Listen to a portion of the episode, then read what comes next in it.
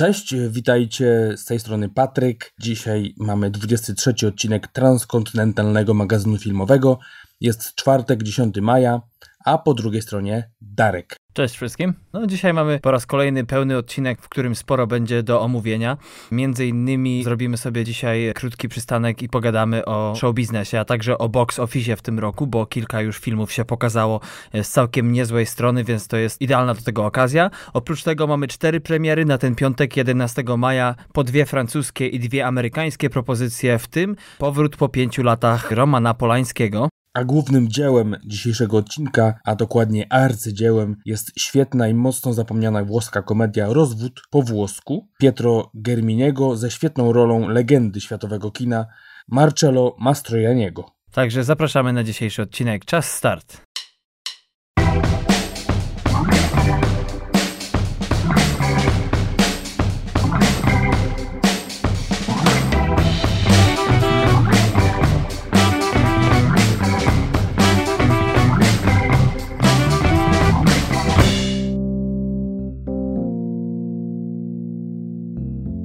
No i jesteśmy znowu razem.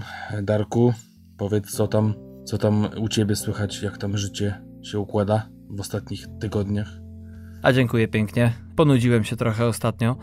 Oczywiście to żart, ale tak jak w twoim przypadku też w pracy śruba została dość nieźle dokręcona, więc y, akurat to mi zaprzątnęło ostatnie tygodnie. No ale też y, zrobiła się lekka przerwa w przesłuchaniach, więc w końcu wziąłem się za ten swój stand-up. Także już jeden występ za mną, chyba najstraszliwsza rzecz, jaką kiedykolwiek do tej pory w życiu zrobiłem. No właśnie, no właśnie, właśnie, bo mówisz, że zacząłeś ten stand-up, a tak jakby, nie wiem, każdy był w temacie. No już jakiś czas temu zacząłem pisać sobie do szuflady różne skecze, czy jak to stand-upowcy mówią, bity, więc y, coś mnie natchnęło, żeby w końcu zrobić z tego jakiś krótki, pięciominutowy set. No i zawitałem do jednego z klubów nowojorskich, gdzie miał miejsce mój debiut. Może nie było super rewelacji, ale no była to dobra nauka i też nie spanikowałem, nie zapomniałem tekstów yy, i nawet dostałem trochę śmiechu, także to motywuje, no a przede mną jeszcze przyszłe występy, także... I więcej skromności, kolego, więcej skromności. I więcej skromności, tak. I trzeba szlifować ten swój materiał, które żarty działają, które nie, co jak powiedzieć lepiej, co ma lepszy flow, także yy, to przede mną. A co u ciebie, powiedz? Yy, słyszałem, że podobno noc się coś obraziła na Islandczyków, bo jak już to tylko ze dwie godziny ją widać i idzie sobie precz. No to jest stety czy niestety mm, przypadek coroczny, który mniej więcej no z tego co słyszałem przypada na czerwiec. Mamy początek maja i już tak mniej więcej e, świta od godziny trzeciej, a nawet chyba wcześniej, bo ostatnio przebudziłem się po godzinie trzeciej, gdzieś pięć po i się okazało, że już, już jest tak, no, nieźle, nieźle jasno. A teraz na przykład, kiedy kładę się spać koło godziny 12, w pół do pierwszej, to też, też nie ma jeszcze żadnej ciemności pełnej, więc no jeszcze nie było tak oczywiście, bo też jestem zapracowano, przepracowany, żeby mógł sobie siedzieć i obserwować, ile to tak naprawdę trwa. No myślę, że dwie, dwie i pół godziny to jest maks, gdzie może być pełna ciemność i niestety właśnie, czy mówię, dla niektórych stety za niedługo będzie tak, że, że będzie po prostu słońce o 23 czy nawet o północy takie, że będzie można się opalać. Oczywiście nie w tej pogodzie tutaj i nie, nie w tym klimacie, nie przy tym wietrze. I... Ale teoretycznie, tak? Ale teoretycznie można by się opalać. Tak? no proszę. Przynajmniej na rower sobie można pójść. Tak, to trzeba mieć rower. Trzeba mieć rower i, i, i gdzieś tam jest w dalekosiężnych planach rower, bo chyba najpierw trzeba będzie się zaopatrzyć w samochód. Na pewno są tutaj warunki do rowerowania, pedałowania. No, chciałem powiedzieć, że samochód lepszy, bo przynajmniej butelek się nie pobije, ale... Hmm. Mówię o Coca-Coli oczywiście. Tak, tak, tak. Tutaj szczególnie Coca-Cola i Prince Polo też mogłoby się pognieść. Na rowerze w tej takiej dyndającej między jedną przerzutką a drugą. Hmm. A słuchaj, y, tak kiedyś ktoś mi mówił, że Islandczycy y, są tutaj tak zakochani w coli, że jak ta osoba, o której mówię, kiedyś y, mieszkała u pewnej rodziny islandzkiej, będąc tutaj na praktykach, to jak podczas obiadu zabrakło coli, to głowa rodziny wsiadała w samochód, obiad praktycznie przerywano i jechało się po dwa litry. No, myślę, że to może być, to nie wiem. Jakiś czas temu oglądałem takiego typu śmieszne reklamy, czy, czy takie e, żartobliwe, które normalnie nie są puszczane w telewizji. Mhm. Był taki jeden chyba spot, który właśnie e, w podobnym duchu właśnie się rozgrywał, że jakiś dramat kompletny przy świętach. Czy nawet nie wiem, czy to nie była polska reklama mhm. coli właśnie w czasach świąt. Jak to urasta do rangi najważniejszego napoju, czy czegoś na stole. Pamiętam, jak e, w 2004 roku przyszło mi kilka miesięcy mieszkać w Londynie. Pamiętasz, jak wyście jeździli z kabaretem na mulatkę do Ełku? I tak, tak. Pamiętam, jak poszedłem do sklepu zrobić jakieś zakupy i facet na kasie próbował mi wcisnąć kole e, light. Ja mówię, że nie, dziękuję, nie piję. Mówię, no weź pan, weź pan, dobra, z Polski. z Polski. Patrzę na tył butelki, jest rzeczywiście gdzieś koło Krakowa chyba wyprodukowana. mówię, nie, no jak tak, to, to, to oczywiście. Dobre, dobre. Dobre, bo polskie. nie no, wiesz, jak kiedyś tu mnie zawitasz, to dam ci spróbować tą amerykańską kolę. Tutaj wszyscy, nawet Amerykanie mówią, że jest fatalna, bo jest słodzona nie zdrowym polskim cukrem, tylko syropem kukurydzianym, który daje zupełnie inną słodkość. Ale to tak odchodzimy od tematu, a tak ci mówię tylko. E, na razie tematu nie ma, ale y, tak nie wiem, no jak już jedziemy po tej coli, to to tak mi się skojarzyło, że, że jak byłem w Irlandii, to, to nigdzie nie mogłem znaleźć coli light, tylko wszędzie była diet. Więc pytanie skąd light w Polsce? Czy to jest jednak słowo polskie, czy angielskie? Zawsze mnie to zastanawiało, dlaczego tak. No tak. Nie mówiąc o tym, że była nie do wypicia. Ta, ta irlandzka diet, ale... A ty wiesz w ogóle, że Coca-Cola to jest jedyny produkt na świecie, który ma dwa zastrzeżone znaki towarowe? Coke i Coca-Cola. Widzisz? Czegoś się można nauczyć. A. Tak jak na początku wspomnieliśmy wam, kochani, już od jakiegoś dawnego czasu nie mówiliśmy nic za bardzo o show biznesie, czy nie zarzucaliśmy was liczbami a propos zarobków filmowych i tak dalej, ale dzisiaj nadarza się ku temu świetna okazja, o bo tak, y, ale i nie tylko, bo pamiętamy w tym roku największą taką sensacją kinową była mm, Czarna Pantera, a y, teraz już powoli inny film dorasta do pięt temu filmowi. Mowa tutaj oczywiście o Avengers Infinity Wars, który jest jeszcze dostępny w polskich kinach, który miał najlepsze otwarcie roku. No i Patryku, pamiętasz, mówiłem ci ostatnio, że idę na ten film. W trzech kinach nie dostałem biletu na żaden seans, także... Co ty gadasz? No. No dzisiaj w ogóle czytałem newsa, że 11 e, dni wystarczyło Avengersom, żeby pobić miliard. Wow. Przekroczyć miliard dolarów zarobionych. Masakra. No, póki co pierwsze miejsce nadal utrzymuje Czarna Pantera. Na dzień dzisiejszy jest to około 1 miliarda 300 milionów dolarów. Avengersi mają tam 1 miliard i około 160 milionów dolarów.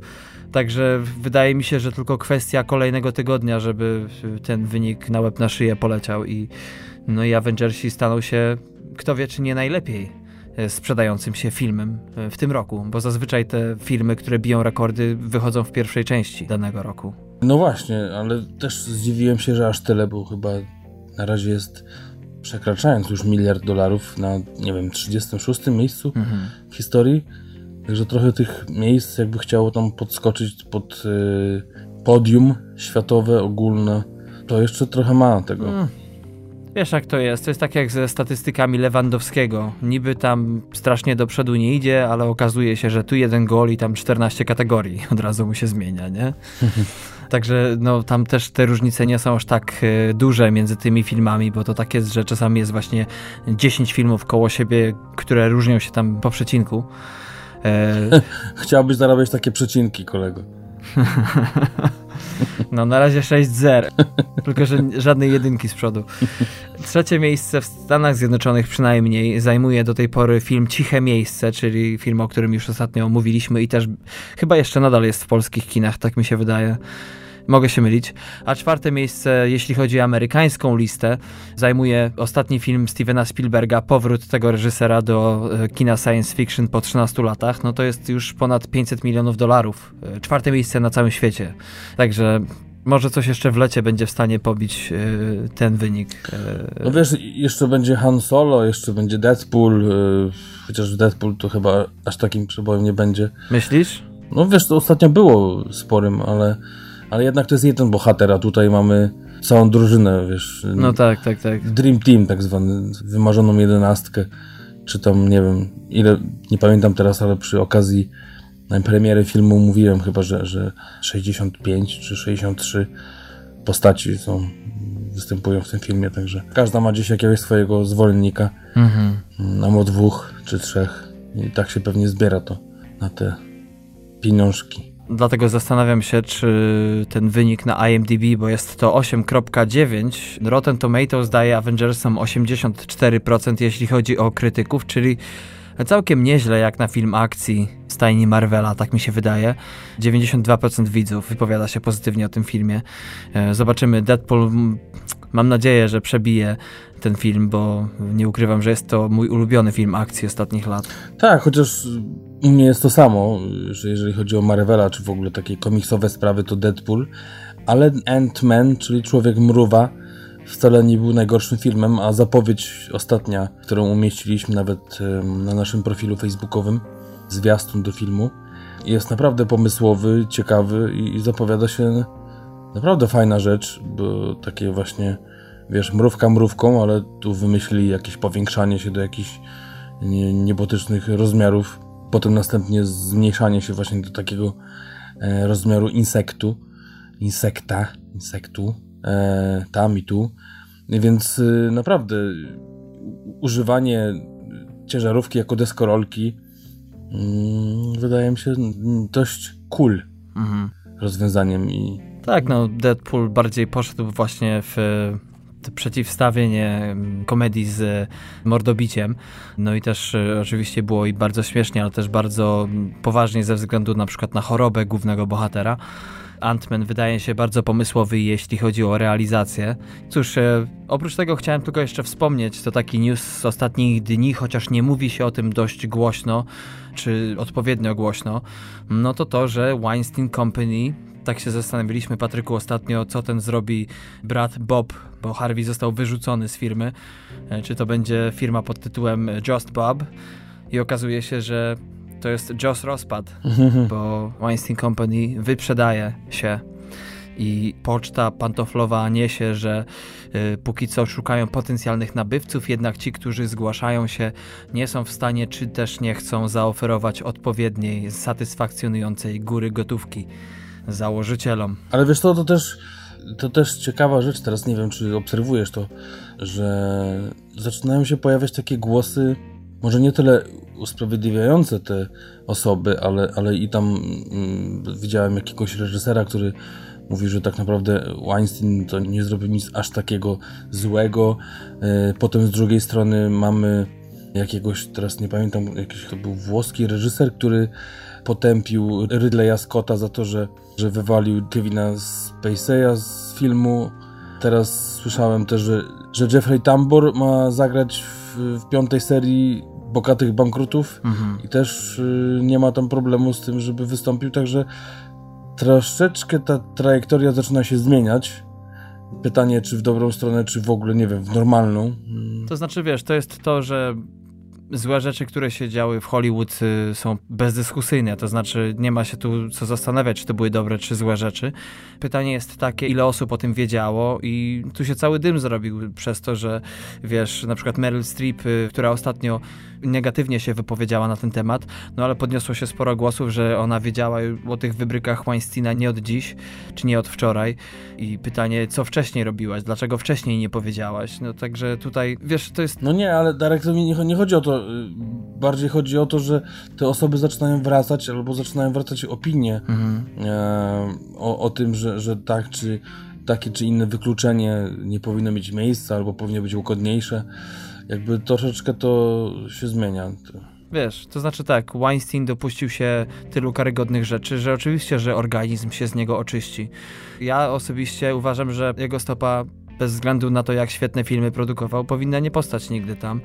No ale z drugiej strony, na przykład dla mnie jest problem taki, yy, no też negatywnie oceniając na przykład zachowanie Louisa C.K., który też był przecież oskarżony i przyznał się do negatywnego zachowania. Dla mnie jest na przykład problem z tym, że jako początkujący, powiedzmy stand-uper, czy człowiek chcący się rozerwać, nie mogę na przykład dostać jego materiału na Netflixie, bo ze względu na to, co zrobił i tak dalej, usunięto. Nie? I tutaj na przykład jest problem rozdzielenia, czy na przykład Jeffrey Tambor może zagrać jednak w bankrutach, tak? Czy jednak kara jest taka, że nie, nie dostaniesz pieniędzy na chleb, y, nie zatrudnią cię, nie? Za to, co zrobiłeś. No myślę, że, że wiesz, to nie chodzi teraz, wiesz, o, o porównywanie tych ludzi, tylko o tym, że że jednak te opinie są trochę inne i zmieniają się, albo nawet nie tyle, że, że ludzie zmieniają opinie, tylko że są, pojawiają się osoby, które, nie wiem, e, mają jakąś silną pozycję i, i nie wiem, nie martwią się o, o, zdanie innych ludzi, tylko po prostu mają jakieś tam swoje prywatne zdanie i, i, i o tym mówią. Ale no myślę, że to jest kwestia obserwacji, bo tutaj wiesz, nic nie wymyślimy teraz, jak to się będzie rozgrywało, tylko jak to Hollywood i w ogóle sam cały show biznesowy świat y, do tego podejdzie w najbliższych latach. Hmm. Najgorsze jest w tym to, że taki zwykły Kowalski za jakieś takie podobne przewinienie to dostanie taką dyscyplinarkę, że jedynie co to będzie mógł y, ulicę sprzątać, nie?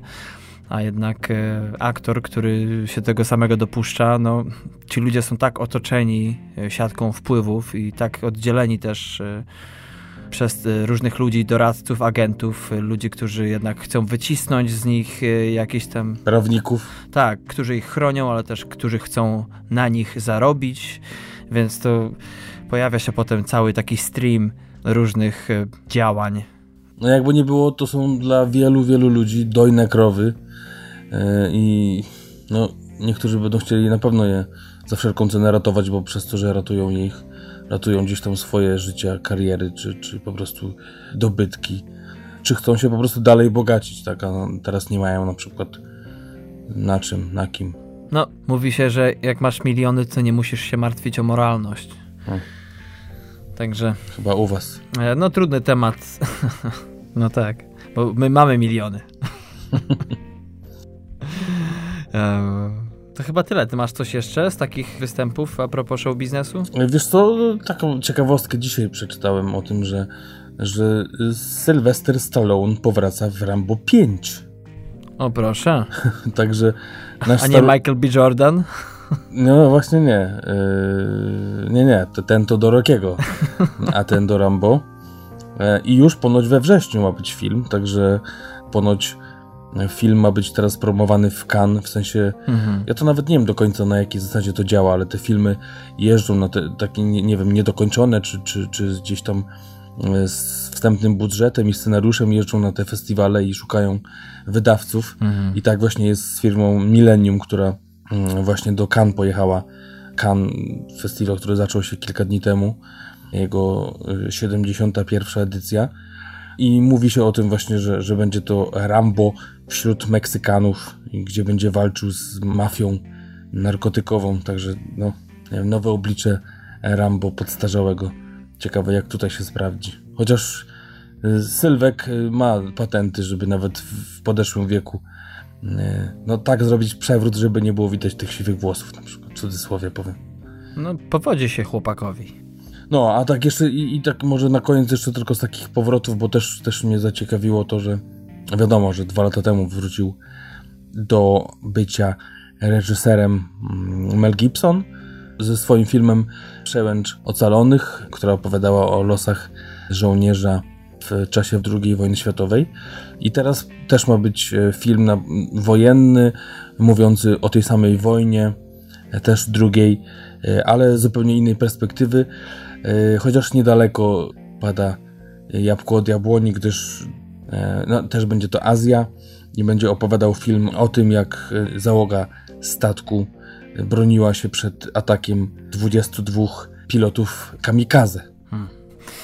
To dobrze, że nie 23, bo film byłby krótki.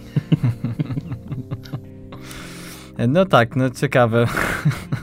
powroty y, wesołe.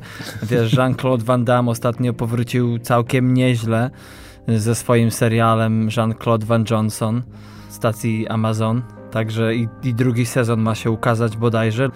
Natomiast, y, no, tak żartowałem z Michaelem B. Jordanem, bo to tak wyglądało trochę jakby Sylvester Stallone sobie go naznaczył na następcę.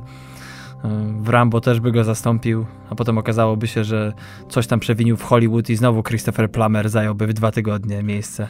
Ja, tak już jak sobie teoretyzujemy o B. Jordanie, mm. to jakby zrobił remake z Violą Davis Stój, bo mamuśka strzela. Mogłoby być ciekawie.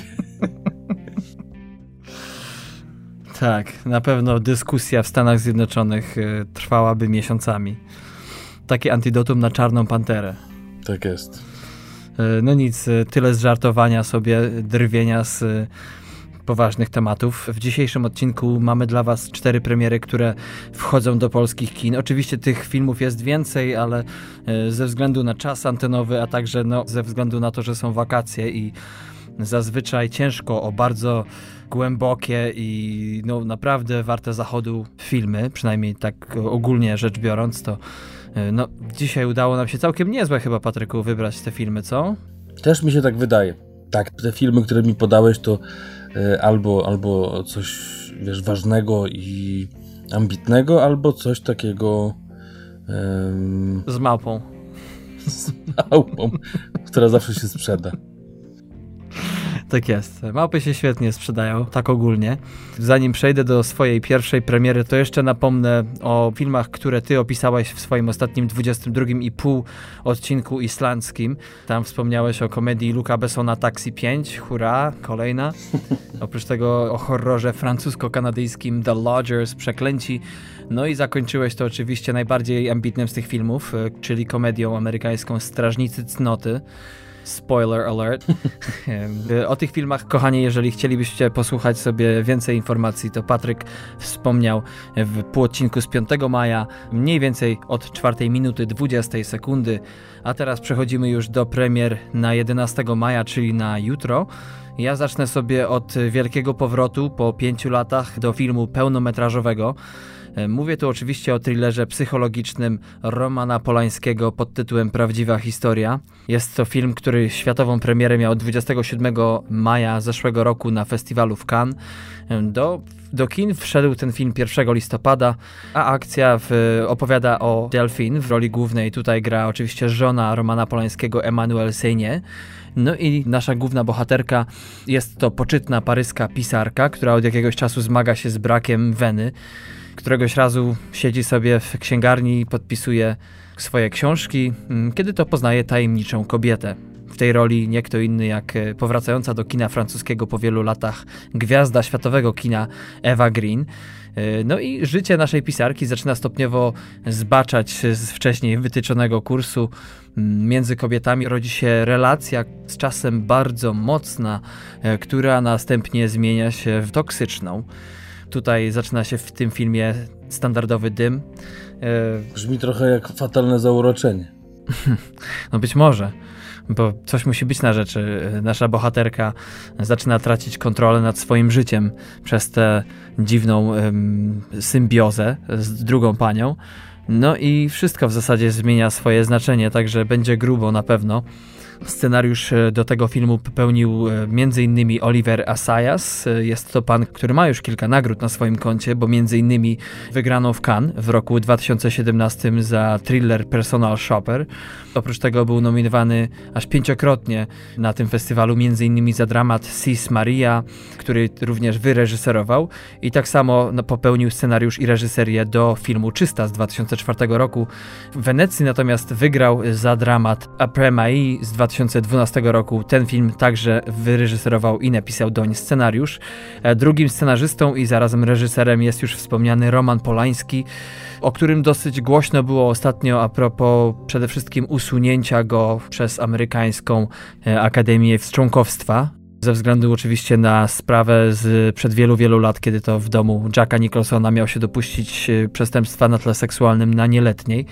Jeśli chodzi o naszego najbardziej znanego reżysera współczesnego, e, to jego ostatnie filmy to przede wszystkim autor Widmo z 2010 roku z Piersem Brosnanem i Iwanem McGregorem dramat Carnage, rok później z Jodie Foster, Johnem C. O'Reilly, Christophem Waltzem i Kate Winslet, a ostatnim jego filmem, który wyreżyserował do dziś, e, był dramat Wenus w futrze, e, za który dostał Cezara Akademii Francuskiej za reżyserię. Tam również wystąpiła jego żona Emmanuelle Seigné.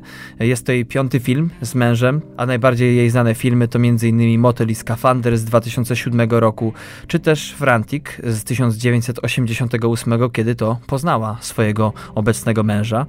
Partnerka Emmanuel Seynie, czyli Eva Green, nikomu jej nie trzeba przedstawiać, ale y, może tylko wspomnę to, że ostatnio dość nieźle jej się wiedzie, jeśli chodzi o serial, bo występuje w serialu Dom Grozy, za który otrzymała nominację do Globów. No a oprócz tego w 2019 roku ma zagrać w filmie Dumbo, który będzie miał całkiem niezłą obsadę, bo będzie tam m.in. Michael Keaton, Danny DeVito i Colin Farrell. Jeśli chodzi o ciekawostki związane z dzisiejszym filmem Polańskiego, to jest to jego szósty film z Pawłem Edelmanem, naszym chyba najbardziej znanym, przynajmniej w Europie, operatorem, i siódmy film Polańskiego, który został przedstawiony podczas festiwalu w Cannes. Budżet to około 10 milionów euro, ratingi póki co takie sobie, na IMDb jest jest to 6.3 na Rotten Tomatoes, tylko 47% pozytywnych e, recenzji e, przy 30 widzów. E, mówi się, że scenariusz jest słaby, ale Eva Green nadrabia to swoim świetnym aktorstwem. Oprócz tego, no, grzechem tego filmu są wypróbowane schematy i to też, że podobno reżyser nie za dobrze czyta intencje scenarzysty. W tym przypadku nie wiem kogo winić, czy reżysera, czy też scenarzystę za to, że nie potrafi przełożyć dobrze swoich intencji. E, tak czy siak e, kilku recenzentów e, wyrwało się jednak z szeregu i chwalą ten film za inteligentną rozrywkę, także warto na pewno, nie tylko dlatego, że jest to Polak, ale uznana marka w światowym kinie, zmierzyć się po prostu z jego powrotem. Czas trwania tego filmu to podobno równe 100 minut. No fajnie w sumie, że, że Polański wraca. Szczerze mówiąc, nawet mm, jak przygotowywałem się do tych premier, rzuciłeś mi te moje tytuły, moje te ochłapy i je przygotowałem, a na te inne nie patrzyłem. No ale fajnie, że wraca, bo mm, moim zdaniem jakkolwiek te ostatnie filmy nie są jakimś może wielkimi przełomami i jakimiś wielkimi filmami, ale na pewno i Wenus w futrze i właśnie autor Widmo, Rzeź, o którym mówiłeś, bo podałeś tylko tytuł mhm. angielski, a taki właśnie tytuł był polski, y, też coś tam ciekawego wnosiły, przynajmniej jeden czy ze dwa elementy miały ciekawe. Y, Wenus w futrze w ogóle mi się bardzo podobał i, i, i całe dialogi i w ogóle sama ta konwencja, próby w teatrze czy tego typu jakieś przesłuchania. Także zaskoczyłeś mnie, że wraca i fajnie, no na pewno przyjrzę się tej propozycji. W ogóle a propos jego ostatnich filmów, to trzeba też powiedzieć, że zarówno Wenus w futrze, jak i Rzeź to były adaptacje sztuk teatralnych. E, które sobie wcześniej tam istniały i to y, istniały no, przez duże i. Na przykład w Rzezi było sporo dialogu, trochę taki europejski Woody Allen się zrobił z niego w tamtym filmie. Ale słuchaj, chciałem poruszyć taki temat jak sprawa Dreyfusa. Nie wiem, czy pamiętasz, jak y, już wiele lat temu zapowiadano, że Polański w końcu zrobi y, ten dramat historyczny oparty na prawdziwych wydarzeniach z przełomu XIX i XX wieku. I tak film jest zapowiadany na 2017, ale nawet na IMDb nic nie można o nim przeczytać. W sensie był zapowiadany na 17, tak? Tak, tak, tak. I podobno jeszcze jest work in progress, jak to mówią, nie? Aha. Odsyłam, jak ktoś chciałby się zapoznać, to Wikipedia oczywiście jest i różne inne źródła pełne dość sprawdzonych informacji a propos jednego z największych skandalów e, w dziejach e, francuskiej polityki, ale to tam mniejsza o to. Ty masz coś ciekawego w zanadrzu. Ja mam też francuskie, można powiedzieć, 120 uderzeń serca. Dramat 2017 roku, dość długi, 140 minut, który miał swoją premierę 20 maja właśnie zeszłego roku na festiwalu w Cannes, o którym dzisiaj już mówiłem, że, że też kilka dni temu się zaczął i będzie trwał do 18 maja w tym roku, troszeczkę wcześniej. Reżyserem jest Robin Campillo, marokański reżyser, takich filmów jak Eastern Boys z 2013 roku, Les Revenants 2004, a to jest jego trzeci film. Wcześniej też znany jako scenarzysta, między innymi popełnił scenariusz do filmu Klasa z 2008 roku, który był nominowany do Oscara. E, scenariusz e, powstał przy współpracy reżysera, który miał do pomocy Mangeota, którego możecie kojarzyć, a raczej chyba nie kojarzycie, ale współpracował on też przy filmie Les Nuits Dente, gdzie też był jako taki właśnie współpracownik. To też ciekawe, bo mm, nie widziałem wcześniej takiej funkcji, że jakby nie jest jako pełnoprawny scenarzysta, tylko taki właśnie no, asystent powiedzmy. A też bardziej znany jako aktor, między innymi z takich filmów jak Dancing z 2003 roku, czy też Jean i jej wspaniały chłopak z 1998 roku. W rolach głównych występuje Nauchuel Perez Piscard, którego mogliście widzieć w takich filmach jak Tatuado z 2005 roku, czy też Glue z 2006. Oprócz niego Arno Valo, znany wcześniej z takich filmów jak Klientka z 2008, Dziewczyna z pociągu z 2009 roku oraz Selon Charlie z 2006. A jeżeli chodzi o aktorki, będziemy mogli podziwiać tutaj Adele Hennel, którą mogliście widzieć w takich filmach jak Miłość od pierwszego ugryzienia z 2014 roku, Nieznajoma dziewczyna z 2016 oraz Lilie wodne z 2006. Ten Miłość od pierwszego ugryzienia to psie, tak? albo o zombie. Myślę, że coś jedno albo drugie.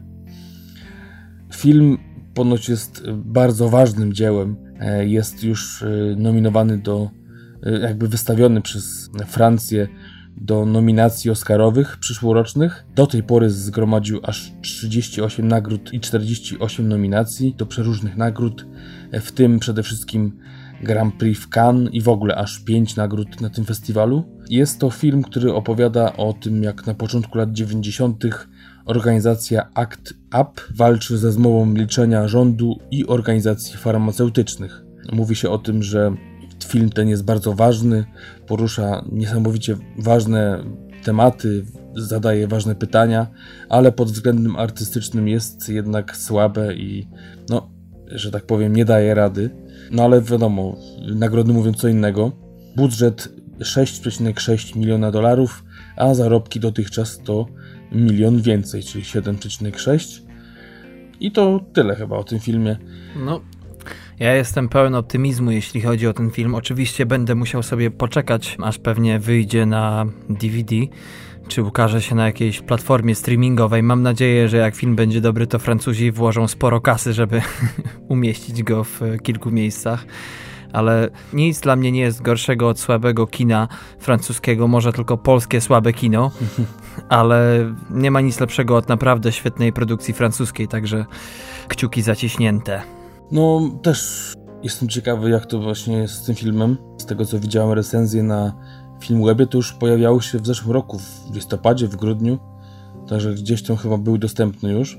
No ale właśnie to, że, że każdy jakby recenzent, tego co czytałem, właśnie niestety, ale tą wartość artystyczną mocno tutaj spłycał i przede wszystkim mówiono też o tym, że głównym motorem jest tutaj społeczność LGBT, i właśnie, że te wiem, postaci, aktorzy, czy w ogóle te wątki, no jakby są dość słabe i, i jakby nie utrzymują widza i film wydaje się, chociaż jest długi, bo 140 y, minut, tak jak powiedziałem, to wydaje się, że jest dużo za długi i ciągnie się jak ponoć flaki y, z olejem przez, przez większy czas. No dobra, to poczekam sobie. nie, nie to, że chciałem zniechęcić. Nie no, po prostu uzbroiłeś mnie w cierpliwość. Tak jest.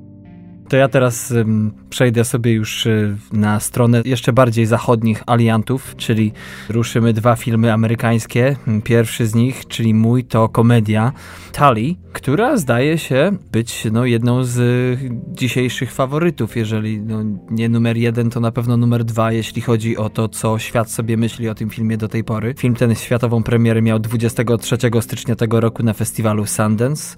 Potem ukazał się m.in. w Wielkiej Brytanii, Szwecji, w Hiszpanii, w Stanach wszedł 24 y, kwietnia do kin. No i akcja tego filmu, mimo tych recenzji, o których wspomniałem, brzmi dość standardowo, dość tendencyjnie. Jest sobie mąż, żona i trójka dzieci. Żona, czyli Marlo, to prawdziwa superbohaterka, no ale Czasem, jak to mówi notka producentka i superbohaterki potrzebują wytchnienia pewnego dnia, żeby jeszcze sprawy bardziej skomplikować. W jej życiu, a raczej w życiu całej rodziny pojawia się nowa niania, e, młoda, piękna, zwariowana opiekunka, która wszystko w bardzo krótkim czasie wywraca do góry nogami. Całe życie całej rodziny. E, no i Marlo musi zmierzyć się tutaj z pełną energii dziewczyną, która zdaje się prezentować sobą to, co Marlo prezentowała dekadę czy dwie wcześniej. Scenariusz do tego filmu popełnił nie byle kto, bo jest to Diablo Cody. Wam może nic nie mówić e, to imię i nazwisko, natomiast tobie, Patryk, e, podejrzewam, nie wiem, znasz? Znam taką grę. Mm, Diablo. No to tak, na pewno kojarzycie filmy, do których ta pani popełniła scenariusz. Pamiętasz taki film Juno? Tak. No, no to ona zdobyła Oscara za scenariusz do niego w 2008 roku, tak samo Baftę. Oprócz tego y, jest autorką nie tylko scenariuszy do dwóch y, znanych seriali, ale także jest ich twórczynią. Mowa tutaj o takim serialu jak Wszystkie wcielenia Tary z Toni Collette z 2009 roku, y, czy też serial One Mississippi, którego pierwszy sezon wyszedł w 2015 roku.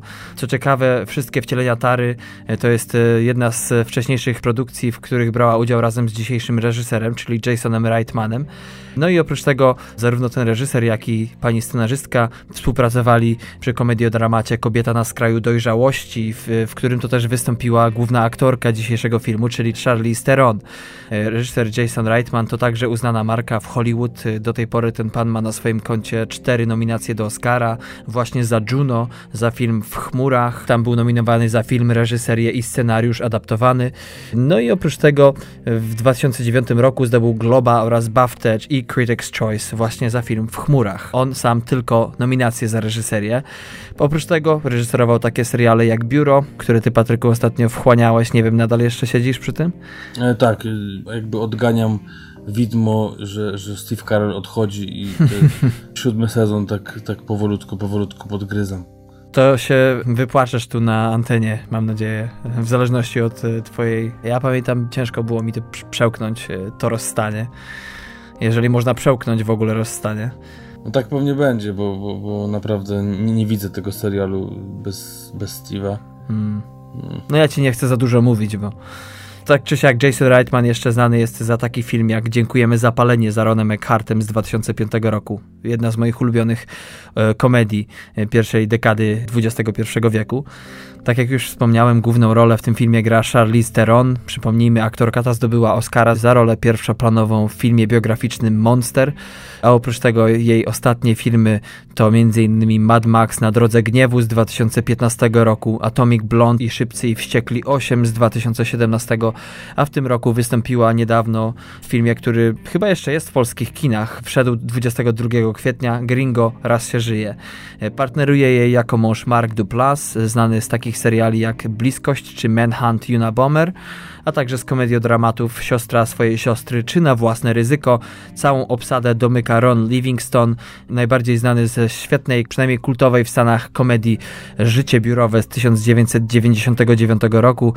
Natomiast Mackenzie Davis gra przebojową i zwariowaną młodą nianię. Pani ta mimo młodego wieku ma już na koncie poważne produkcje, bo są to m.in. Blade Runner 2049, Marsjanin 3, serial Black Mirror. Jeśli chodzi o ciekawostki, to podobno Charlize Theron przytyła aż 22 kg do tej roli, natomiast schudnięcie i powrót do poprzedniej wagi zajęło jej aż e, półtora roku. To z takich ciekawostek plotkarskich. I przede wszystkim producenci y, mocno zabiegali, żeby przesunąć premierę tego filmu w czasie, a to ze względu właśnie na premierę Avengersów. Ratingi IMDb 7.2, Rotten Tomatoes 89% krytyków wypowiada się pozytywnie o tym filmie. Widzom też się zdaje podobać 79%. Czas trwania godzina 36 minut. Brzmi ciekawie, no przynajmniej z tego względu, że jednak Charlize Theron, Jason Reitman, a także Diablo Cody to jest yy, tak nigdy o tym nie myślałem, a rzeczywiście oni sporo dobrych filmów razem popełnili. No właśnie jak powiedziałeś o tym, że, że ta pani popełniła scenariusz do Juno, to teraz przypomniała mi się ta słynna historia takiej właśnie dziewczyny gdzieś tam z nizin społecznych, która raz, że i napisała scenariusz, a też pojawiła się na rozdaniu nagród i, i była no, wielkim przebojem wtedy i e, ciekawostką taką e, wśród tych całych wszystkich celebrytów. Widzisz, No i tutaj też ma szansę, żeby kontynuować swoją passę i mieć na swoim koncie kolejną udaną produkcję. Krytycy z jednej strony chwalą ten film, mówią, że przede wszystkim chemia między właśnie Mackenzie Davis a Charlize Theron jest świetna. To ona jest e, tym e, spoiwem tego całego filmu. Oprócz tego podobno jest to emocjonalny roller coaster. No i najlepszy film podobno tej reżyserki od Juno. Ale też przeczytałem kilka recenzji, w których to była mowa o tym, że tak jak Patryku ostatnio sobie rozmawialiśmy o filmie, który mógł być dzisiaj głównym tematem naszego odcinka, czyli e, Lost in America, Zagubieni w w Ameryce. O tym filmie przypomniała mi recenzja, w której to facet się wypowiedział w ten sposób, że film miał ciekawy punkt widzenia, ale e, reszta wszystko poleciało w dół. Hmm. No tutaj, wiesz, z tym Lost in America to trochę chodziło też o to, że nie, że poleciało w dół, tylko nagle się urwało. Tak, także... A jak się urywa, to gdzie leci? To jest zawieszone w powietrzu. Aha. Masz rację, nie byłem na Islandii. No, wydaje się warta zachodu produkcja, bo powiedzmy sobie szczerze, tak jak o polskie komedie, tak i ciężko o dobre amerykańskie w Polsce. No i ostatni film na 11 maja, czyli Rampage Dzika Furia. Film przygotowy, science fiction, film akcji, yy, produkcji oczywiście amerykańskiej. Czas trwania to 107 minut, a na krzesełku reżyserskim mamy Breda Peytona, który niedługo, bo już 27 maja kończy 40 rok życia, a jego wcześniejsze filmy to San Andreas z 2015 roku, również z tym samym aktorem, który gra y, właśnie w tej propozycji, czyli z Dwaynem Johnsonem, a także Podróż na tajemniczą wyspę z 2012 oraz Wcielenie z 2015. Jeśli chodzi o scenariusz, mamy tutaj Ryana Engla, którego możecie kojarzyć za takie filmy jak Non-Stop z 2014 roku oraz z tego roku Pasażer. Oba z Liamem Neesonem oczywiście, a także Ryan J. Condal, który popełnił scenariusz do filmu Herkules z 2014 oraz serial Colony z lat 2016-18 oraz Carlton Cuse, którego pewnie znacie, jeżeli jesteście fanami serialu Lost, a także najnowszej jego produkcji z reżyserem Cichego Miejsca, czyli y, Jack Ryan właśnie z tego roku, 2018 oraz czwarta jeszcze osoba, czyli Adam Sztykiel. Adam Sztykiel, no co ciekawe, nie jest za dużo informacji o tej osobie i nie ma na przykład takiej, czy ma polskie korzenie, czy nie. No zakładam, że jednak coś tam czyha za rogiem. Albo to jakiś ponury żart. Tak. albo ktoś to po prostu zmienił 1 kwietnia. A ten pan współpracował przy takich filmach jak Zanim odejdą wody z 2010 roku, Moja dziewczyna wychodzi za mąż z 2008 i Wesele Pańskiego. Nie, żartuję. Mam tylko dwa filmy tego pana. To jeżeli chodzi o grupę scenarzystów, a w rolach głównych mamy oczywiście Dwayna Johnsona. Nie wiem, czy kojarzycie tego pana, czy nie, ale zagrał na przykład w takich filmach jak Szybcy i Wściekli 5, Szybcy i Wściekli 6, Szybcy i Wściekli 7 oraz Szybcy i Wściekli 8. Czekaj, możesz powtórzyć? oraz San Andreas z 2015 oraz Jumanji Przygoda w dżungli z zeszłego roku, też dość spory przebój. No trzeba tylko nadmienić, że Dwayne Johnson dla niewtajemniczonych to najlepiej zarabiający obecnie aktor na świecie. No właśnie, to chyba dane są z tego roku, bo nie wiem dlaczego razem o tym pomyśleliśmy, ale ja sobie spisałem właśnie taką z Forbesa trójkę najlepiej zarabiających za 2017 i tam był zaraz za Wahlbergiem. A propos Wahlberga, to jeszcze za produkcję jakieś tam tantiemy miał, e, dlatego mu to podskoczyło, ale samą rolę jakby, sam kontrakt za jedną rolę, podobno właśnie Johnson miał największy. Ale to tam szczegóły.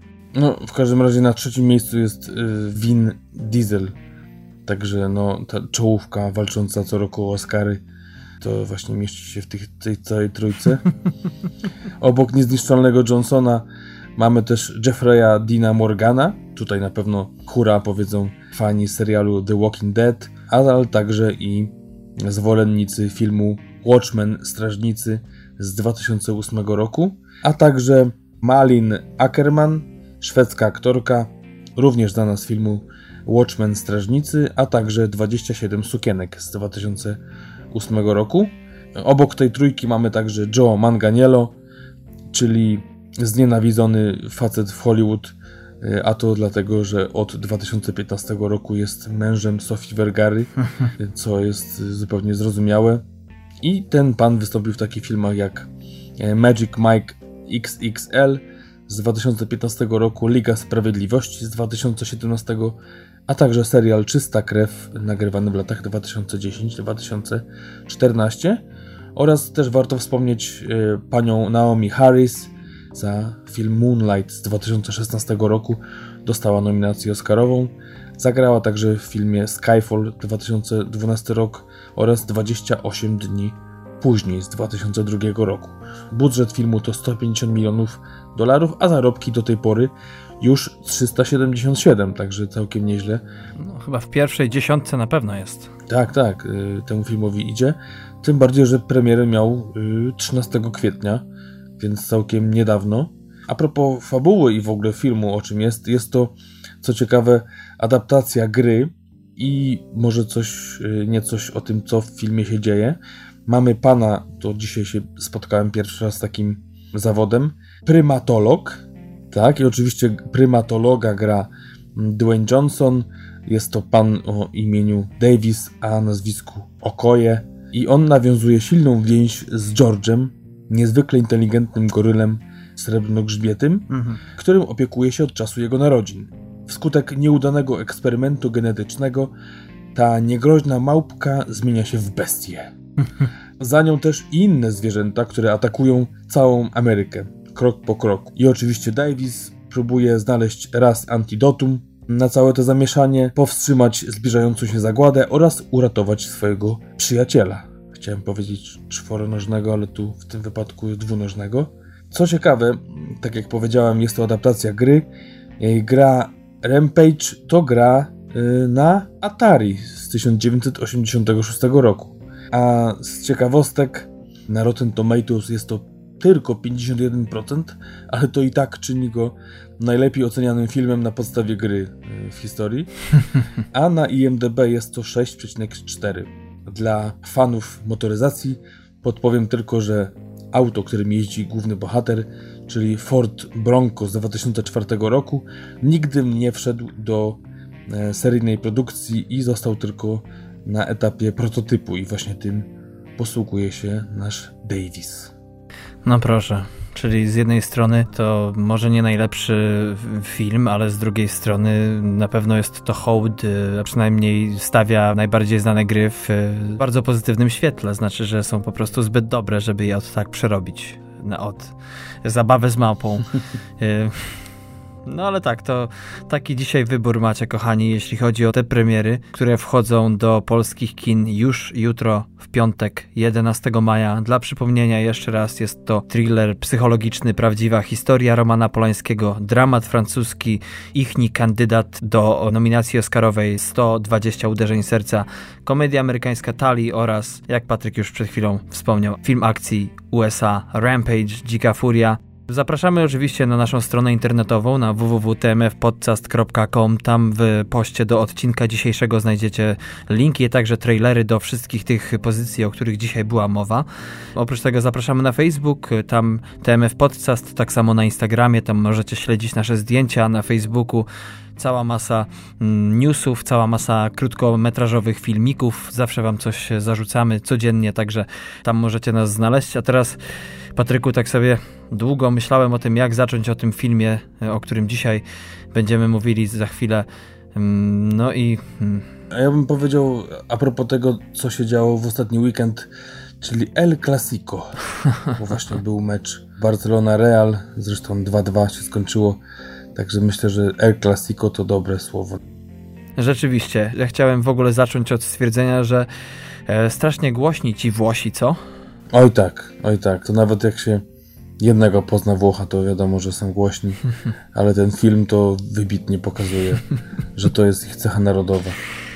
Jak oglądałem ten film, to nawet jeżeli jakaś tam scena powiedzmy nie była napakowana jakimś humorem, tylko po prostu była to ekspozycja, to jednak rzeczywiście zawsze ktoś się wydziera gdzieś na pierwszym czy drugim planie i człowiek aż się śmieje po prostu. To taki jest efekt, e, który film ma na ciebie. Ale no, film trafił nam się wybitny to na pewno, ale wylądował w dzisiejszym odcinku z wielkiego jednego powodu. Był to przecież e, film Oscarowy pod pewnym względem, który jest e, no, mocno zapomniany, tak mi się wydaje, a który jednak był ważnym filmem, jeśli chodzi o kinematografię, rozwój kinematografii włoskiej, prawda? No właśnie, bo e, tak jak mówisz, w pewnym sensie Oscarowym był właśnie bardzo Oscarowym, ale jakby bardzo nietypowo jak na film europejski, czyli miał trzy nominacje, jedną nagrodę E, nominację miał za reżyserię, za aktora i za scenariusz i właśnie za tą ostatnią kategorię otrzymał, a nie był nominowany za film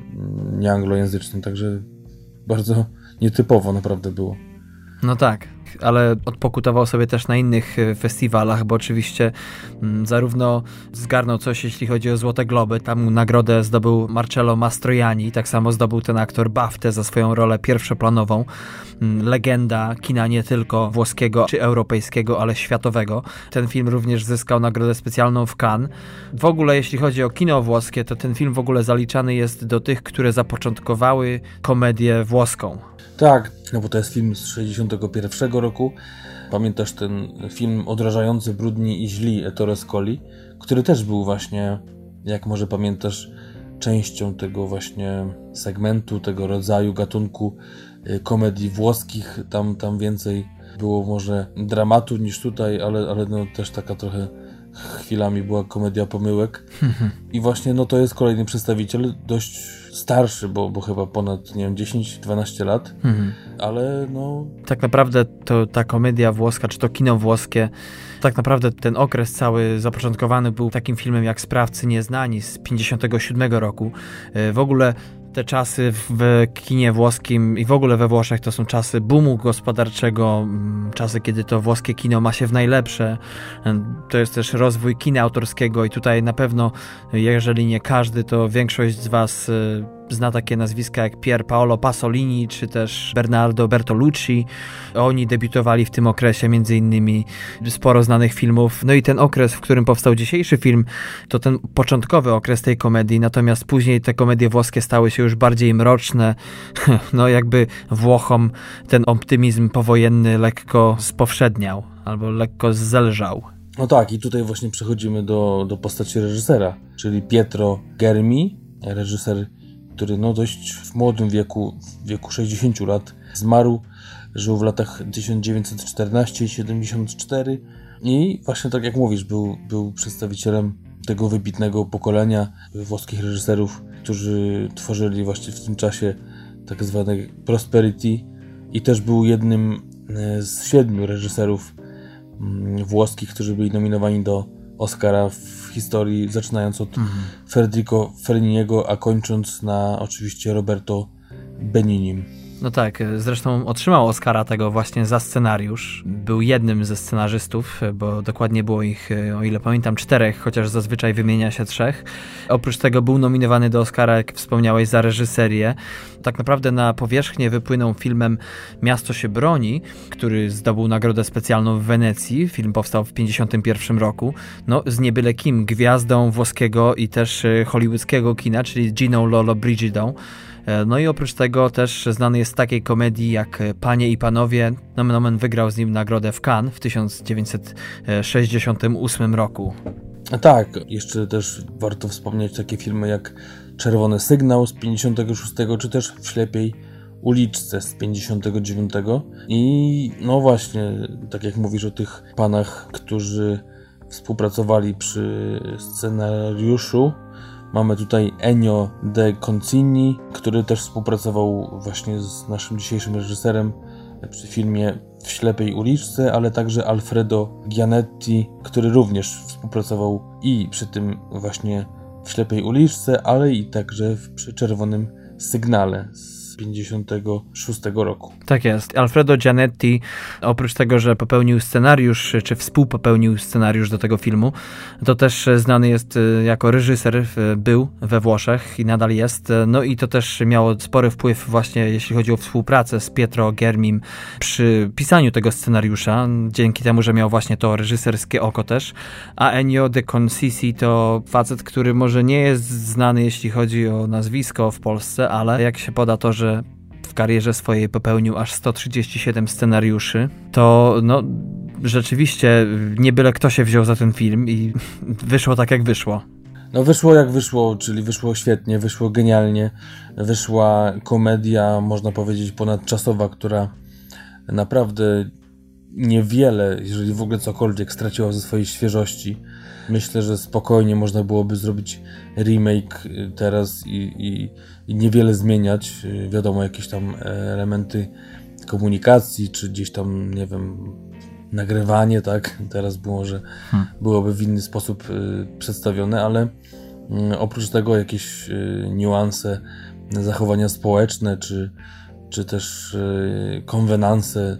Spokojnie dzisiaj można też znaleźć takie społeczności i, i chyba tym się broni, że, że jest tak uniwersalny, niby, niby osadzony mocno w tych realiach włoskich lat 60., bo to był dokładnie 60 rok, jeżeli chodzi o umiejscowienie akcji i Włochy i myślę, że Stany Zjednoczone czy Polska w ogóle ciężko się do czegoś przyczepić. Ja wiesz co, tak sobie pomyślałem, do czego bym się przyczepił i to może później powiem, bo to tak y, może nie wypada od razu jakieś tam swoje pretensje mhm. rościć. Rzeczywiście film mocno osadzony, jeśli chodzi nie tylko o takie aspekty jak na przykład moralność, y, no przede wszystkim moralność, czy też właśnie konwenanse społeczne, ale także Sycylia, bo właśnie akcja dzisiejszego filmu tam się rozgrywa. Opowiada o baronie, lekko podupadłym można powiedzieć, Fefe, Ferdinando Cefalu, który jest e, właśnie sycylijskim arystokratą, no i co? Przede wszystkim e, lekko znużony wydaje się życiem, nie wiem. A przede wszystkim żoną. A przede wszystkim żoną. No i podczas letnich wakacji zdaje się nasz baron zakochać e, w dużo młodszej od siebie, bo prawie 21 lat, przepięknej kuzynce Angeli tu wchodzi aspekt społeczny, który rzeczywiście wtedy we Włoszech miał miejsce. Otóż w tamtych latach rozwody nie były możliwe. No także, co nasz baron się decyduje zrobić? Decyduje się uśmiercić e, ukochaną, e, czy też dawno nieukochaną już małżonkę. I w tym celu wprowadza w życie misterny plan, który jeszcze dodatkowo podrasowuje tym, że no, chce to zrobić sam, ale, ale jak najmniejszym nie tyle nakładem może sił, co, co ubytkiem na e, ewentualnym więzieniu, czy, czy właśnie e, rozłące. Oczywiście cały czas na pierwszym planie stawia sobie bycie z obą kuzynką Angelą i, i chce sobie tak ten plan ułożyć, żeby ewentualne więzienie było jak najkrótszym okresem. No tak jest. Otóż e, w tamtym czasie prawo włoskie mówiło, że jeżeli mąż nakryje żonę z innym mężczyzną, to e, jeżeli pozbędzie się żony, to będzie to traktowane jako ratowanie swojego honoru i otrzyma możliwie jak najłagodniejszy wymiar kary. No, sporo czasu spędza i sporo snu z powiek głównemu bohaterowi poszukiwanie owego kochanka dla żony. No ale pewnego dnia pojawia się osobnik doskonały, znany zresztą żonie, czyli Rosali, malarz Carmelo Patane, którego fanem mąż staje się od razu. No tak, ale też nie, nie ma co zdradzać, to też, też jest w trakcie filmu e, gdzieś tam e, po kolejnych próbach nieudanych, czy może przymiarkach bardziej, czy mniej udanych potencjalnych kochanków, gdzieś tam trafia się w końcu ten, ten wybrany i, i ku właśnie połączeniu z tą osobą wiedzie swój plan i tak układa wszystkie działania nasz baron Fefe. No i to, jak to się dzieje, to jak to wszystko próbuje poskładać razem, jak to wszystko zgrać, to jest chyba najlepszym elementem całego filmu, najbardziej komicznym i, i momentami tak przezabawnym, że naprawdę się nie chce wierzyć, że to hmm. E, powstało tak dawno. Szczerze ci powiem, że czasami jakieś takie były malutkie rulki, jakieś kobiet, które... No, była taka scena, kiedy siostra no, głównego bohatera jest w kinie ze swoim wybrankiem i oglądają razem film i jej reakcja na jego reakcję na film jest tak bezcenna, że, że zastanawiałem się, czy naprawdę to jest tak wybitna aktorka, czy tak akurat jej wyszło, wiesz, takie jakby... To trochę to wyglądało jak Roger, Roger Federer, który zagrywa nie patrząc w stronę kortu, między nogami piłkę i przelobowuje Dżokowicza. No, takie genialne zagranie. Tu a propos tej sceny, to e, dwie rzeczy mi się rzucają na myśl. Pierwsze to taka perełka, taki smaczek a propos tego filmu.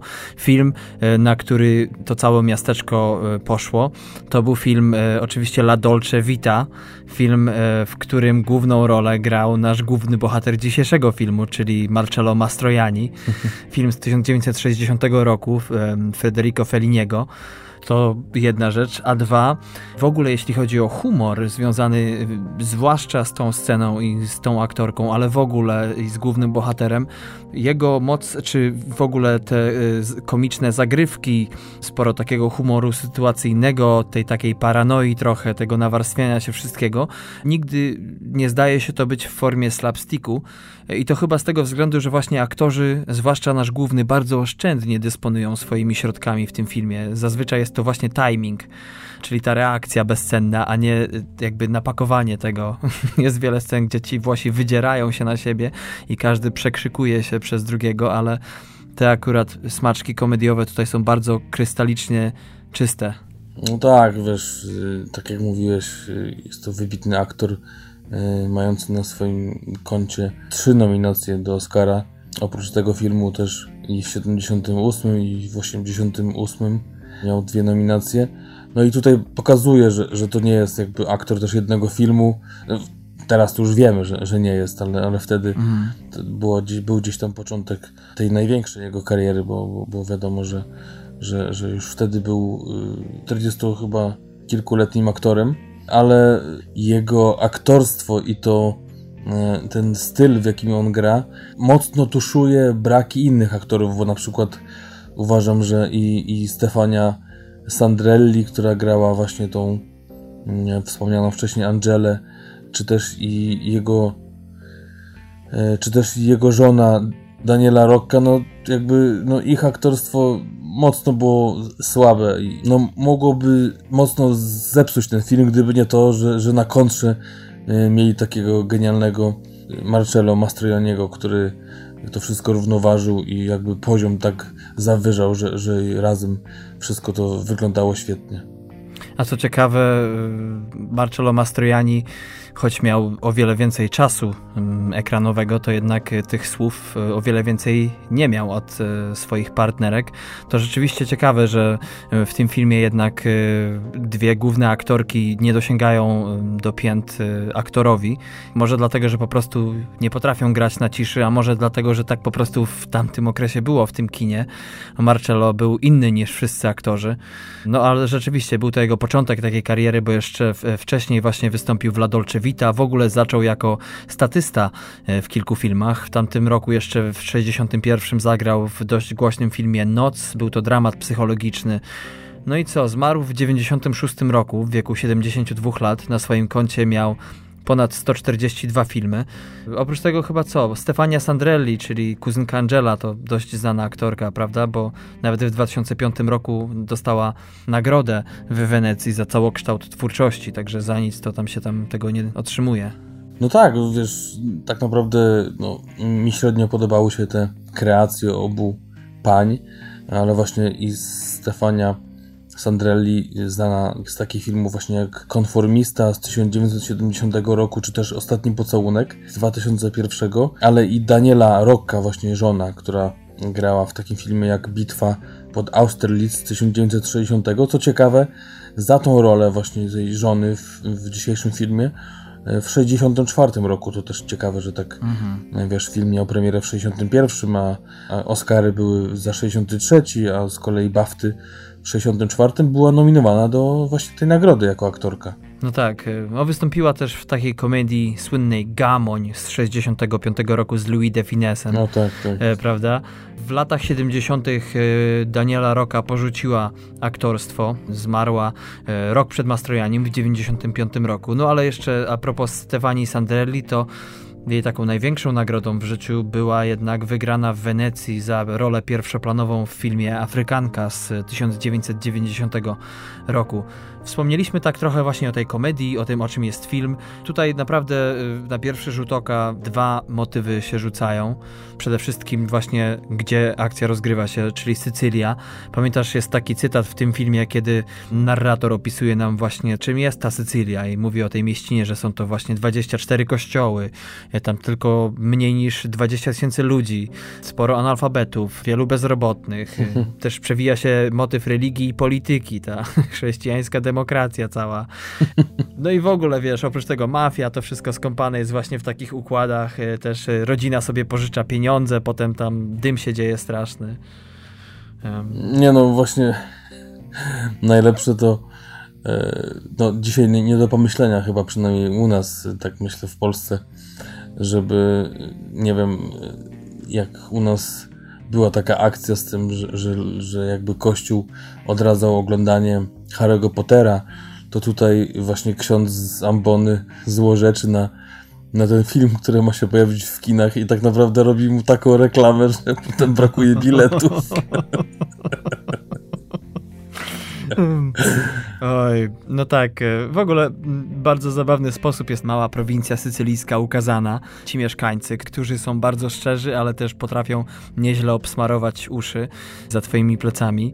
W ogóle ta cała moralność, nie? Przecież tak naprawdę w tym filmie nasz główny bohater kilkukrotnie, toczka w toczkę, cytuje prawo włoskie, które nie zabrania morderstwa y, żony za zdradę, co dzisiaj już jest tak nie do pomyślenia. No zresztą wiele ataków na ten film y, niedawno, zwłaszcza w ostatnich latach, był taki, że właśnie oskarża się ten film o szowinizm. I takie mam pytanie do ciebie.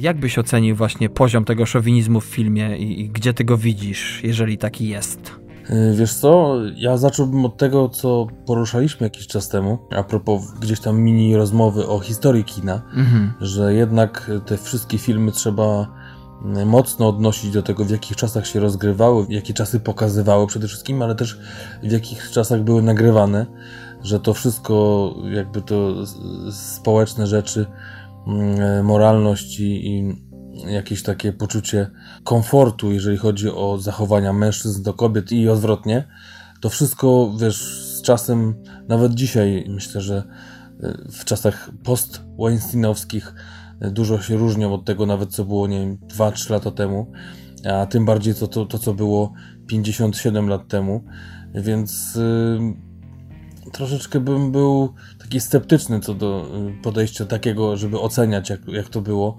Może powiem tak, wydaje mi się, że kobiety były tak przedstawione, że miały taki wpływ i jakby tak omamiały mężczyzn, że ta siła była przynajmniej porównywalna do tego, jaką tak naprawdę faktyczną miała oficjalną, powiedzmy, czy społeczną władzę mężczyzna nad kobietą.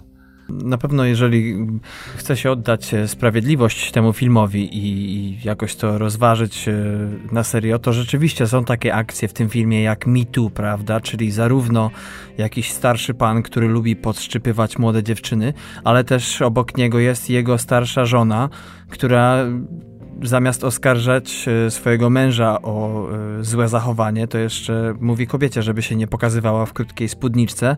To jedna rzecz. Ale też e, z drugiej strony właśnie mamy ten kodeks karny, to też jest, no dzisiaj to już jest, wiesz, przeżytek, ale też trzeci aspekt do tego. Często w głównym bohaterze doszukuje się szowinizmu. Ja się tak zastanawiałem, drugi raz obejrzałem ten film. I stwierdziłem, że ja na przykład nie widzę tego e, szowinizmu, e, mimo iż nasz główny bohater, wiadomo, ma misterny plan, chce się pozbyć żony, knuje e, w najlepsze, ale jednak, ja nie wiem, no, definicja tego szowinizmu męskiego mówi, że mężczyzna traktuje kobietę przedmiotowo, kompromituje ją zwrotami, jest przeciwko równouprawnieniu. Natomiast, no nie wiem, nie, nie, nie pamiętam jednego złego zdania tak naprawdę na żonę, Oprócz tego, że no zawadza, tak? No właśnie, to dobrze, dobrze jakby to tutaj punktujesz, bo też mi się tak wydaje, zawsze jak nawet chciał y, zmusić żonę do jakiegoś zachowania, czy, czy do jakichś konkretnych y, słów, czy do, do właśnie jakichś czynów, to zawsze to było jakimś podstępem takim, żeby to jakby nie było władczym tonem, tylko takim właśnie udającym ukochanego, tak?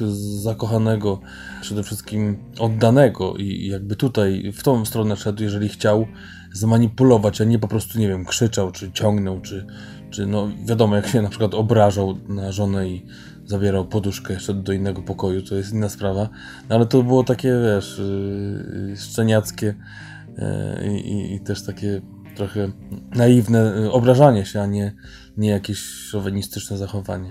A wiesz, a potem to jeszcze się obraca przeciwko niemu, nie? No, nie, no to jakby to, to że ten film dostał Oscara, to jest, to jest, nie wiem, akurat szczerze mówiąc nie patrzyłem, jakie były nominowane, czy je znam, czy nie, ale no świetny od początku do końca film, razem z puentą, mm, z tym, co się dzieje y, po drodze wiesz co, y, czasami nie wiesz, starsze filmy, komedie przede wszystkim, jak mnie bawią, to najczęściej z takiego rozrzewnienia tego, że to jest stare, że to takie było kiedyś naiwne, mm-hmm. takie inne, wiesz, tak jak na przykład y, gdzieś tam starszej osobie coś wybaczysz, bo nie wiem, coś tam przeinaczy, ale wiesz, że to jest starsza osoba, a tutaj to po prostu było tak Mm, wprost śmieszne. Y, właśnie takie były, dawno nie miałem takich wybuchów śmiechu. No, przy The Office tak mam, przy, przy biurze, ale, ale właśnie to jest no, w cudzysłowie nowoczesny serial y, i nowoczesne poczucie humoru. A to było tak, tak genialnie i tak prosto y, i w punkt trafione żarty, że, że no mówię, tak jakby to się wszystko rozgrywało dziś. Takie miałem wrażenie. Nie tylko żarty a propos komizmu sytuacyjnego, czy też y, zwrotów, ale też są takie sytuacje, kiedy na przykład nasz bohater wierci gdzieś tam dziurę, po czym y, nagle nastaje cisza w domu, więc on też przestaje. Potem czeka znowu na znak sygnał. E, I kilka jest takich scen, nawet z podsłuchem, nie? Tylko tyle zdradzę tutaj w tym momencie. Ciekawe w ogóle, że w takim filmie, w komedii, która bierze na serio różne przywary społeczeństwa, lokalnej społeczności, też to głupie prawo włoskie, no i z drugiej strony w tak niewinny sposób i śmieszny potrafi przedstawić morderstwo na przykład. E, no, nie pamiętam ostatniego filmu, w którym morderstwo zostało tak niewinnie przedstawione, na ekranie oczywiście, kiedy to wiemy dokładnie, co powoduje naszym głównym bohaterem, ale sposób, jaki to realizuje, no aż to się ogląda. No wiesz, to, to jest może też takie przedstawienie bohatera, bo też mm, przecież bardzo dużo tych komicznych sytuacji, czy mm, może nawet nie sytuacji, tylko komicznych zdań, słów wypowiedzianych, to, jest, to są słowa y, po prostu narratora, którym jest ten główny bohater. Na początku to jest jakiś taki ogólny narrator, też, też zresztą zabawny, a potem to jest takie trochę ułagodzenie bohatera, wiesz, którego zaczynamy lubić i potem gdzieś tam oswajamy się z jego przywarami i oswajamy się e, z jego moralnością, tak, tak można też odnieść do na przykład serialu Dexter, tak, gdzie też jest non-stop, e, ma, mamy do czynienia z mordercą e, seryjnym tak naprawdę, a, a przez to, że, że gdzieś tam tego bohatera lubimy, to, to w jakiś tam sposób tłumaczymy te, te jego zachowania. Ja bym nawet powiedział, że nie tylko lubimy głównego bohatera, ale nawet jego żonę, bo mimo iż rzeczywiście jest ona głośna, ale kto nie jest tam głośny, nie? Już o tym mówiliśmy. No e, to raz, ale dwa, y, też sporo empatii jest w stosunku do niej i zresztą nie ma postaci chyba tutaj, której by się nie lubiło. No może kilku starszych, ale to tyle. Ale ciekawą rzeczą a propos akurat głównego mm, aktora, czyli Marcello Mastroianniego jest taka, że na początku w ogóle nie był planowany do tej roli i reżyser wręcz stwierdził, że jego wielki sukces słodkiego życia, czyli La Dolce Vita, mm, no sprawi, że aktor nie będzie pasował do właśnie tego scenariusza, do takiego trochę, no, nie fight łapy, ale takiego posępnego gościa e, z nieruchomą twarzą.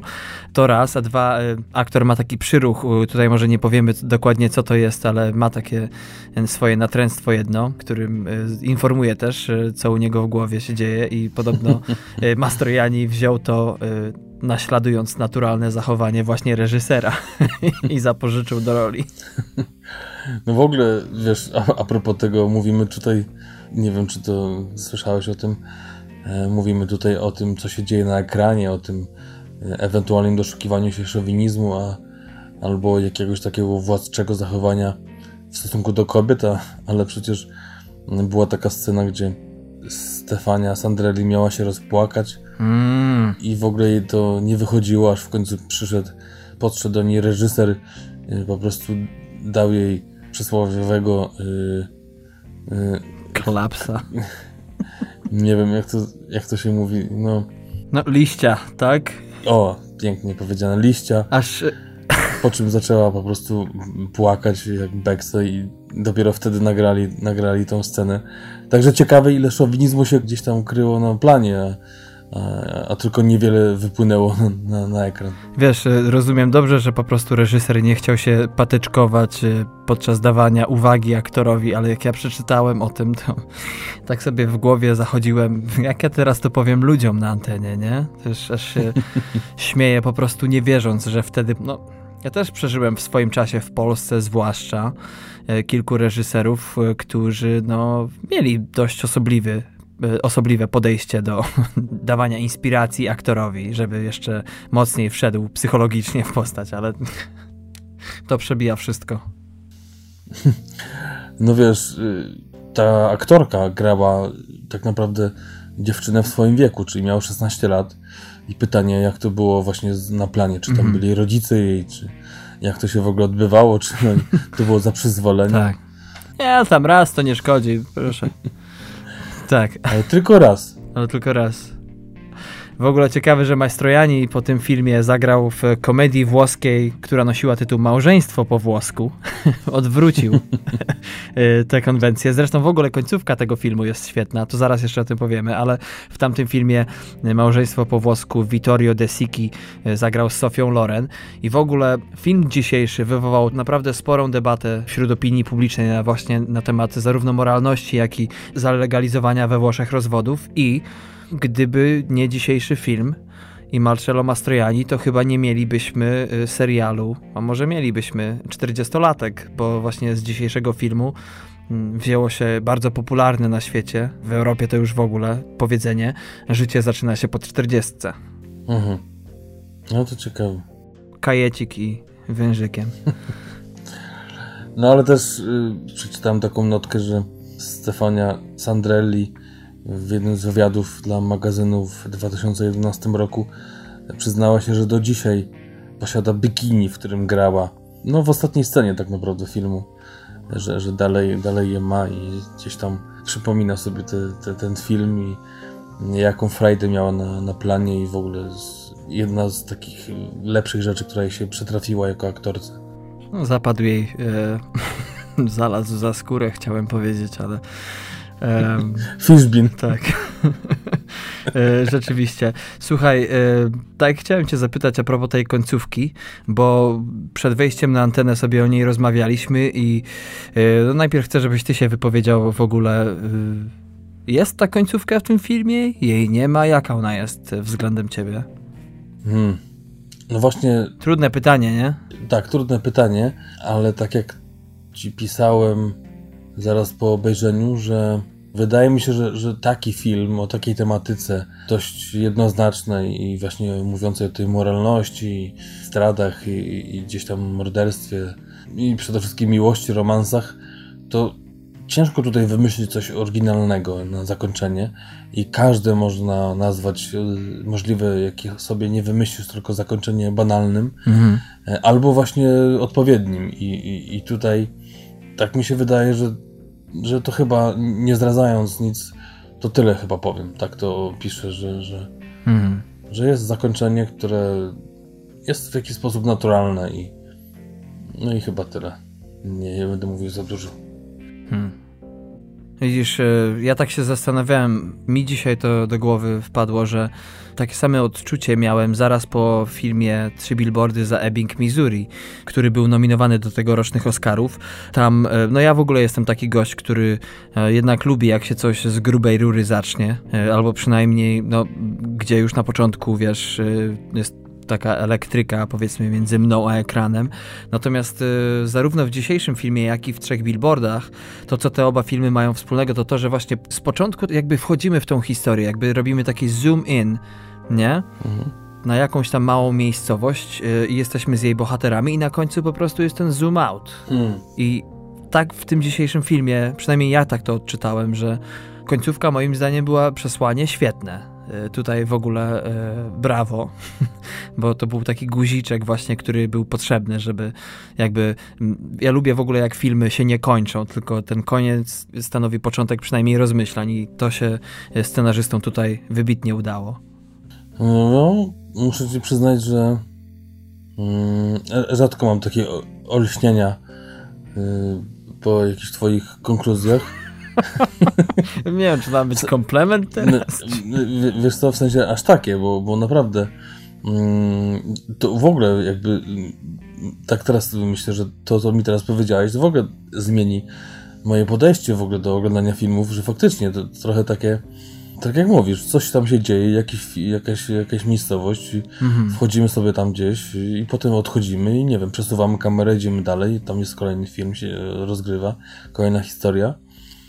Trochę jak w, w Truman Show, wiesz, gdzie, gdzie, ta kamera tak też tak się zbliżała, oddalała. Tak, tak. Ale to, no, trafiłeś, myślę, że bardzo, bardzo głęboko i bardzo celnie. I, te, i też porównując te dwa filmy. To jest coś w ogóle, co jest bardzo popularne w krótkich animacjach. Jak sobie e, przejrzycie naszą stronę facebookową i tam są właśnie te filmiki, często animacje dajemy, ale w ogóle na samym Vimeo często właśnie jest tak, że jest jakiś park, pies się bawi i nagle pojawia się wiewiórka, nie? i na końcu, mhm. na końcu dziecko bawi się z psem znowu. Mhm. Albo razem z wiewiórką. I, I, to jest taka w pewien sposób y, bezpieczna klamra, ale jest moim zdaniem. Y, to też mi się utrwaliło, że jednak y, nie zawsze muszę oczekiwać jakiegoś początku czy końca, że nie każdy film musi podążać. Z, właśnie to chyba co czyni wiele filmów zjawiskowymi, to to, że czasami potrafią zrobić coś innego.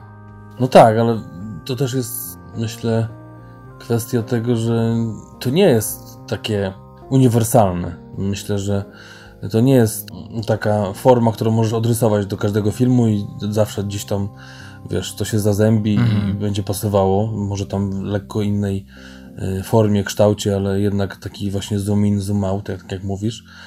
Y, I, I też by tutaj może co innego nie pasowało, ale no to jest jakieś zakończenie, tak? Jest, nie jest do końca takie, że, że po prostu coś tam się dzieje dalej, tylko, tylko mamy bohatera, mamy jego losy i, i gdzieś tam no troszeczkę chyba już wiemy, jak, e, jak to się u niego skończy. E, na billboardach było inaczej, bo tam mogliśmy się, chociaż teraz już może tak trochę mam zamglone to zakończenie. Nie wiem, czy to było jednoznaczne, czy to też e, na dwojga, jak to mówi łapka wróżyła, mm, czyli że mogło się skończyć tak, a nie inaczej. Tutaj było to jednoznaczne, ale właśnie w takiej konwencji, tak jak mówisz, y, takiego jakby spojrzenia okiem na, na, na miejscowość i potem e, zmianę miejsca. Mhm. E, no cóż, czas nas lekko goni, także o tym filmie moglibyśmy się jeszcze długo, długo rozgadywać, ale słuchaj, zanim poproszę cię o podsumowanie krótkie i lapidarne tego filmu, to e, no, nie ma sensu cię pytać o to, co ci się... Szczególnie te lapidarne. E, nie ma sensu cię może pytać o to, co ci się podobało w tym filmie, ale jakbyś mi powiedział, podał scenę czy sceny, które najbardziej ci utkwiły w pamięci i czy było coś, co jednak ci się nie podobało, czy jednak to jest tam wzorowa laurka? No wiesz co, no, myślę, że jednak te kreacje kobiet, y, tutaj można byłoby trochę się pokusić o, o lepsze aktorstwo, chociaż mhm. mówię, najważniejszy był Mastrojani i Baron Fefe, więc y, może to też w jakiś sposób y, by odwodziło nas od jego postaci, mm, a to jednak mocno była jego historia. Mhm. Mm, więc jakbym miał coś wybrać, to, to, to właśnie te aktorki. mm, że mogło sobie troszeczkę lepiej poradzić. A z ulubionych scen ja, ja to wybuchałem na takich tak zwanych one-linerach, czyli, czyli y, właśnie scena w kinie, y, podsumowanie y, właśnie mm, te, te, tego oglądactwa, czy oglądania filmu, potem scena w kościele i... Antyreklama filmu? Antyreklama filmu, nie, ale wiesz to antyreklama filmu przez księdza to jedno, ale drugie, kiedy nasz bohater z żoną stoi i nie rozmawiałem o, o wybitnym chórzyście i po prostu jej, i komentarz na koniec. To trzeba obejrzeć. Bezcenny, tak jest, to trzeba zobaczyć. A jak to u ciebie jest? A, a propos moich y, pretensji, to z jednej strony nie byle kto jest autorem zdjęć do tego filmu, bo jest to sam y, Carlo Di Palma, ten film to nie jest jego kwiat kariery, to nastąpiło dwie dekady później. Y, ten pan znany jest z współpracy z Woody Allenem, zrobił z nim 12 filmów, łącznie zaczął w 1986 z Hanną i jej siostrami. Natomiast y, wiesz co, są takie momenty w tym filmie, które jednak świadczą o tym, że no, message jest ponadczasowy tego filmu, tak, ale jednak e, technika jednak czasami zostaje w tyle. E, nie jest to wielki minus, ale jednak e, wtedy czułem się, że ach, 60 lata i to początkowe. Mhm. To taka jedyna pretensja w zasadzie. Natomiast, no i czasami też montaż, tutaj zwracałem uwagę na to, ale jak ktoś na to nie zwraca uwagi, to to przejdzie. Ja się do tego doczepiałem. Najlepsze sceny, no cóż, wydaje mi się, że robienie mydła to raz. I druga, I druga scena, po której najbardziej wybuchłem ze śmiechu, to spotkanie Angeli i głównego bohatera i wąchanie kwiatów. To była moja ulubiona. E, a powiedz mi, jakbyś podsumował ten film, jakbyś zareklamował go naszym słuchaczom i tym teraźniejszym, i tym przyszłym?